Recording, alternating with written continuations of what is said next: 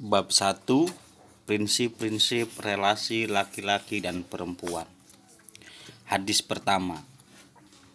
An Abi Hurairah radhiyallahu anhu qala qala Rasulullah sallallahu alaihi wasallam Al muslimu ahul muslim la yadlimuhu wa la yakhdhuluhu wa la yahkirhu taqwa huna wa yusiru ila sidrihi salasa marrah marrotin bihasbi mri'im minas sarri ayyahkiru akhahul muslim ulul muslim alal muslim haramun. Damuhu wa maluhu wa irduhu rawahul muslim. Dari Abu Hurairah radhiyallahu anhu Rasulullah Shallallahu alaihi wasallam bersabda sesama muslim adalah saudara.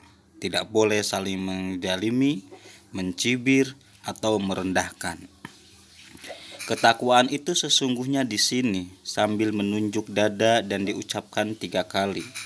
Rasul melanjutkan, seseorang sudah cukup jahat ketika ia sudah menghina sesama saudara muslim. Setiap muslim adalah haram dinodai jiwanya, hartanya, dan kehormatannya. Soheh muslim. Hadis Abu Hurairah radhiyallahu anhu ini mengajarkan prinsip yang paling mendasar dalam Islam, yaitu prinsip kemanusiaan melalui ajaran persaudaraan. Sesama kita adalah saudara, sehingga satu sama lain di antara kita adalah haram adalah diharamkan untuk saling merendahkan, mencibir, menghina, apalagi menzalimi adalah sudah masuk tindak kejahatan jika seseorang sudah merendahkan orang lain. Jika merendahkan saja dianggap buruk dan jahat, apalagi tindakan-tindakan yang menodai martabat dan harga diri, melukai jiwa dan kehormatan, serta merusak harta seseorang, sebagaimana dinyatakan hak Nabi Shallallahu Alaihi Wasallam dalam hadis ini, jiwa, kehormatan, dan harta seseorang adalah suci dan terhormat. Ia haram untuk diganggu, dilecehkan, dan dirampas. Inilah prinsip Islam. Prinsip dari teks hadis ini bersifat universal, yaitu persaudaraan sesama muslim tidak terbatas pada sesama muslim. Sebagaimana ditegaskan oleh teks hadis lain bahwa keimanan adalah mencintai untuk manusia apa yang kamu cintai untuk dirimu, menghindarkan dari mereka apa yang tidak kamu sukai terjadi pada dirimu. Riwayat Ahmad nomor 16130. Teks hadis ini menunjukkan betapa Islam hadir untuk kebaikan dan kerahmatan bagi manusia. Ia menegaskan hak-hak dasar manusia, hak hidup, darah, hak ekonomi harta, dan hak sosial kehormatan. Jika demikian, maka segala tindakan per perendahan perempuan, pelecehan, peminggiran, penzaliman, dan segala bentuk kekerasan terhadap mereka adalah sesuatu yang sama sekali tidak direstui Nabi Shallallahu Alaihi Wasallam. Sekalipun didukung tafsir-tafsir tertentu, demikianlah misi Islam hadir untuk kemanusiaan, baik laki-laki maupun perempuan. Hadis kedua, prinsip-prinsip relasi laki-laki dan perempuan. An Yahyal Mazini radhiyallahu anhu anna Rasulullah sallallahu alaihi wasallam qala la dororo wala diroro rawahul Malik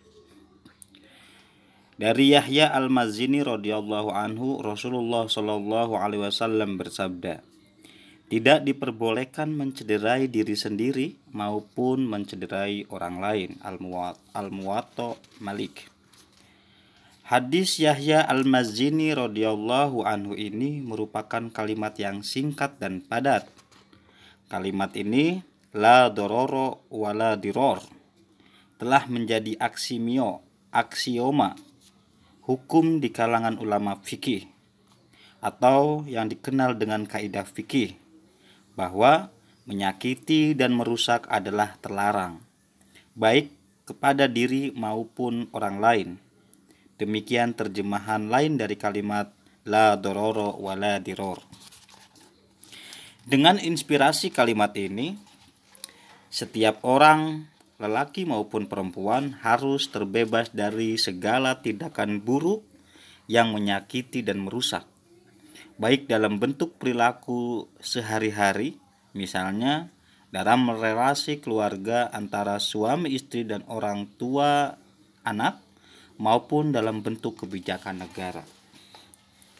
Setiap tindakan seseorang harus diupayakan semaksimal mungkin agar dapat menghadirkan kebaikan dan kemaslahatan bagi sebanyak mungkin orang. Juga untuk menghindarkan segala bahaya, keburukan, dan kekerasan, baik untuk diri, keluarga, maupun orang lain. Begitupun kebijakan negara harus dipastikan dapat menghadirkan kemaslahatan bagi warga, perempuan maupun pria, dan menghentikan segala bentuk kekerasan dan kesewenang-wenangan. Atau dalam bahasa kaidah fikih, tasarruf arroi alar ro'iyah manutun bil maslaha. Kebijakan negara atas rakyatnya harus terkait dengan kemaslahatan warga. Sehingga jika ada kebijakan yang merusak atau menghadirkan kekerasan dan kemodorotan harus dibatalkan demi prinsip kaidah ini. Sesungguhnya prinsip kemaslahatan dan anti kemodorotan ini menjadi kaidah umum yang ter, yang diterima oleh fikih sepanjang zaman baik dalam perilaku individual maupun dalam relasi sosial secara umum. Di antara ulama besar yang mempromosikan prinsip ini adalah Abu Al-Uzam Al-Ba'ri, Abu Hamid Al-Ghazali, Fahruddin Ar-Roji, Al-Qarafi, Iz'ad-Din bin Abdul Salam, Al-Aufi, Ibnu Taimiyah, Ibnu Qayyim Al-Zawajiyah dan Ibrahim As-Saibi. Para ulama mengumandangkan bahwa Islam adalah agama yang kemaslahatan manusia yang harus diwujudkan di dunia ini dan juga akan diperoleh di akhirat nanti. Islam adalah agama kemaslahatan dan kemaslahatan adalah prinsip dari Islam.